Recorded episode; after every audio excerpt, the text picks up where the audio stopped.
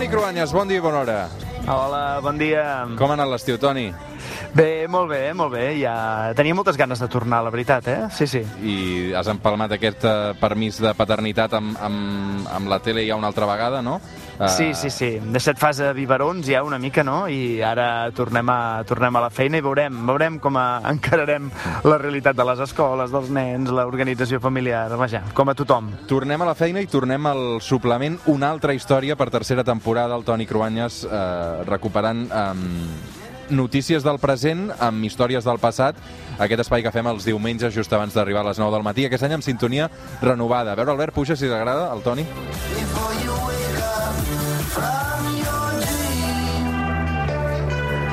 Què, Toni? Sona bé, no? M'agrada, sí, ens hem de renovar una miqueta. M'agrada, m'agrada. A més, fa, dium, fa diumenge per despertar-nos amb alegria, sí, sí. Molt bé, és una banda que es diu The Clovers, te la recomanem moltíssim. A veure, Toni, avui eh, ens fa ser un viatge al passat, però un passat molt present. Eh, de fet, només 10 anys enrere, eh?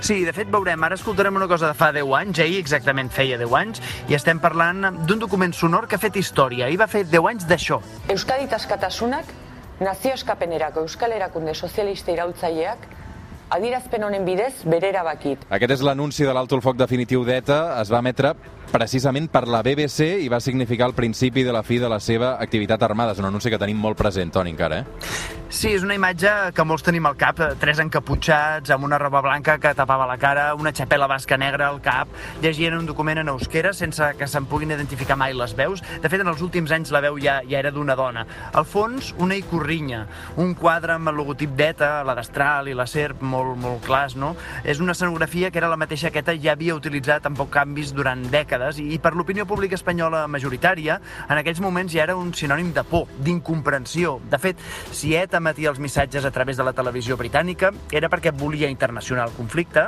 però també perquè no es fiava dels mitjans de comunicació espanyols. I aquell missatge eh, va ser definitiu, Toni? Va ser realment la fideta o encara van passar mesos i fins i tot anys? A veure, va ser un missatge molt important, perquè sí, podríem dir que va ser definitiu, de fet, eh? perquè en el període de només un any després de l'auto al foc ja s'havia convertit en una aturada definitiva de l'activitat armada. De fet, l'entorn d'ETA ja feia temps que havia decidit que calia abandonar les armes.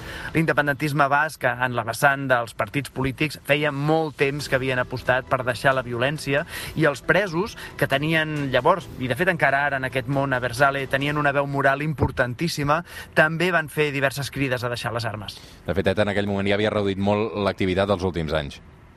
Sí, però en l'històric portava un total de 829 morts i 84 segrestos.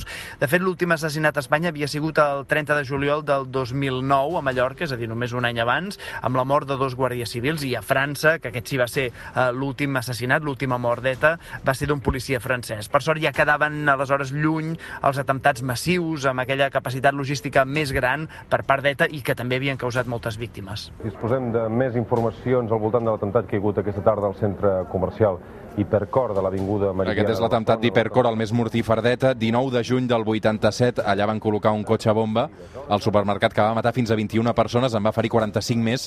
Fa 10 anys, ETA eh, ja no feia eh, aquest tipus d'atemptats, eh?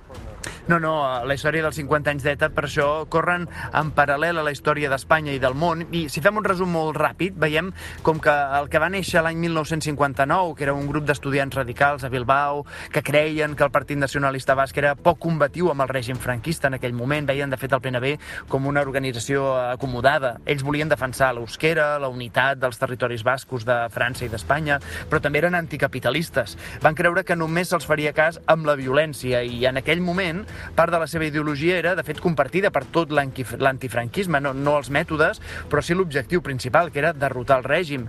I cal dir que, mentre l'oposició democràtica es va haver de conformar en veure Franco que moria al llit, ETA pot apuntar-se a haver causat la mort del seu president de govern, el seu possible successor, Luis Carrero Blanco. Això va ser l'atemptat del 20 de desembre de 1973. ETA es va emmirallar aleshores en el conflicte d'Irlanda del Nord als anys més violents. També el procés de pau entre britànics i irlandesos va marcar el camí del que seria el final del terrorisme basc. Sí, hi ha diversos factors eh, per explicar la dissolució d'ETA. En el marc internacional és evident el camí marcat per l'IRA i pel govern de Londres, però també altres coses com, per exemple, els atemptats d'Al-Qaeda l'any 2001 contra les Torres Bessones de Nova York. Aquest terrorisme islamista que, diguem-ne, va expulsar ETA dels grups armats que fins llavors havien pogut despertar algun tipus de solidaritat per un corrent més progressista arreu del món. Eh, era el mateix cas que havia passat amb les FARC a Colòmbia, per exemple, o Sendero Luminoso al Perú. El canvi de paradigma del terrorisme terrorisme internacional va tenir influència en ETA, en la cosa més local del País Basc. Recordeu l'intent d'estraler de José María Aznar de dir que l'atemptat de Totxa del 2004 havia sigut obra d'ETA. També va marcar la dissolució de la banda la, la bonança econòmica que ha viscut Euskadi en les últimes dècades. Això segurament no es pot destriar. Això ha fiançat la política de peix al cova del PNB i ha estat, clar, en detriment de solucions doncs, més doloroses i incertes sobre un eventual futur d'Euskadi. I el 2011 arriba al final del tot. con la contención a que nos obliga la historia, vivamos hoy la legítima satisfacción por la victoria de la democracia, de la ley y de la razón. Aquest és Zapatero, però també el Partit Popular eh, que han teixit un discurs sobre com l'Estat ha derrotat ETA, no?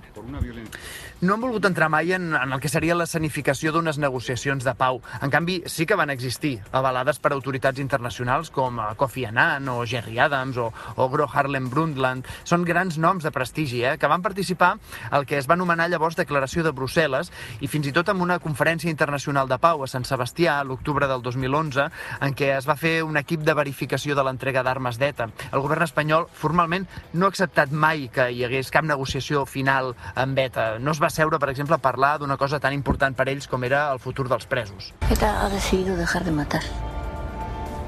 Voy a volver al pueblo.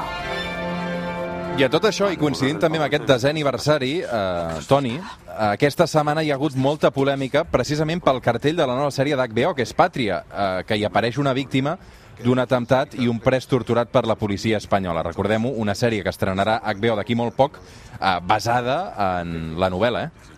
Sí, clar, eh, és que ara la lluita sobre ETA ja no és perquè desaparegui, sinó és la lluita pel relat, per la història, perquè els que no van viure aquells anys tinguin una visió que convingui a uns o a uns altres. El cartell de la sèrie, si us hi fixeu, si ho veieu, iguala les víctimes de les dues bandes i sembla que presenta una guerra des d'un punt de vista neutral, eh, o almenys amb una certa equidistància. Però ja us avanço, eh, que la sèrie no ho sé, perquè encara no s'ha estrenat, però el llibre de Fernando Aramburu, mm, que sí que l'he llegit, no és gens equidistant. Claríssimament els dolents són els Aversales, eh, en aquell llibre almenys.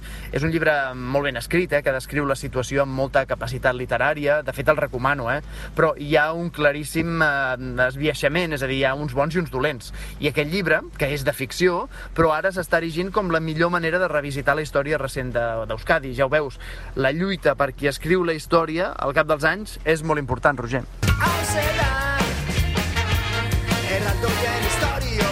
Avui, Toni, arribarem a les 9 del matí amb música basca. Aquest és un clàssic de qui va ser el cantant de Cortatu, Fermín Muguruza, Black is Belza. Toni Cruanyes, bon diumenge i ben tornat al suplement. Bon diumenge.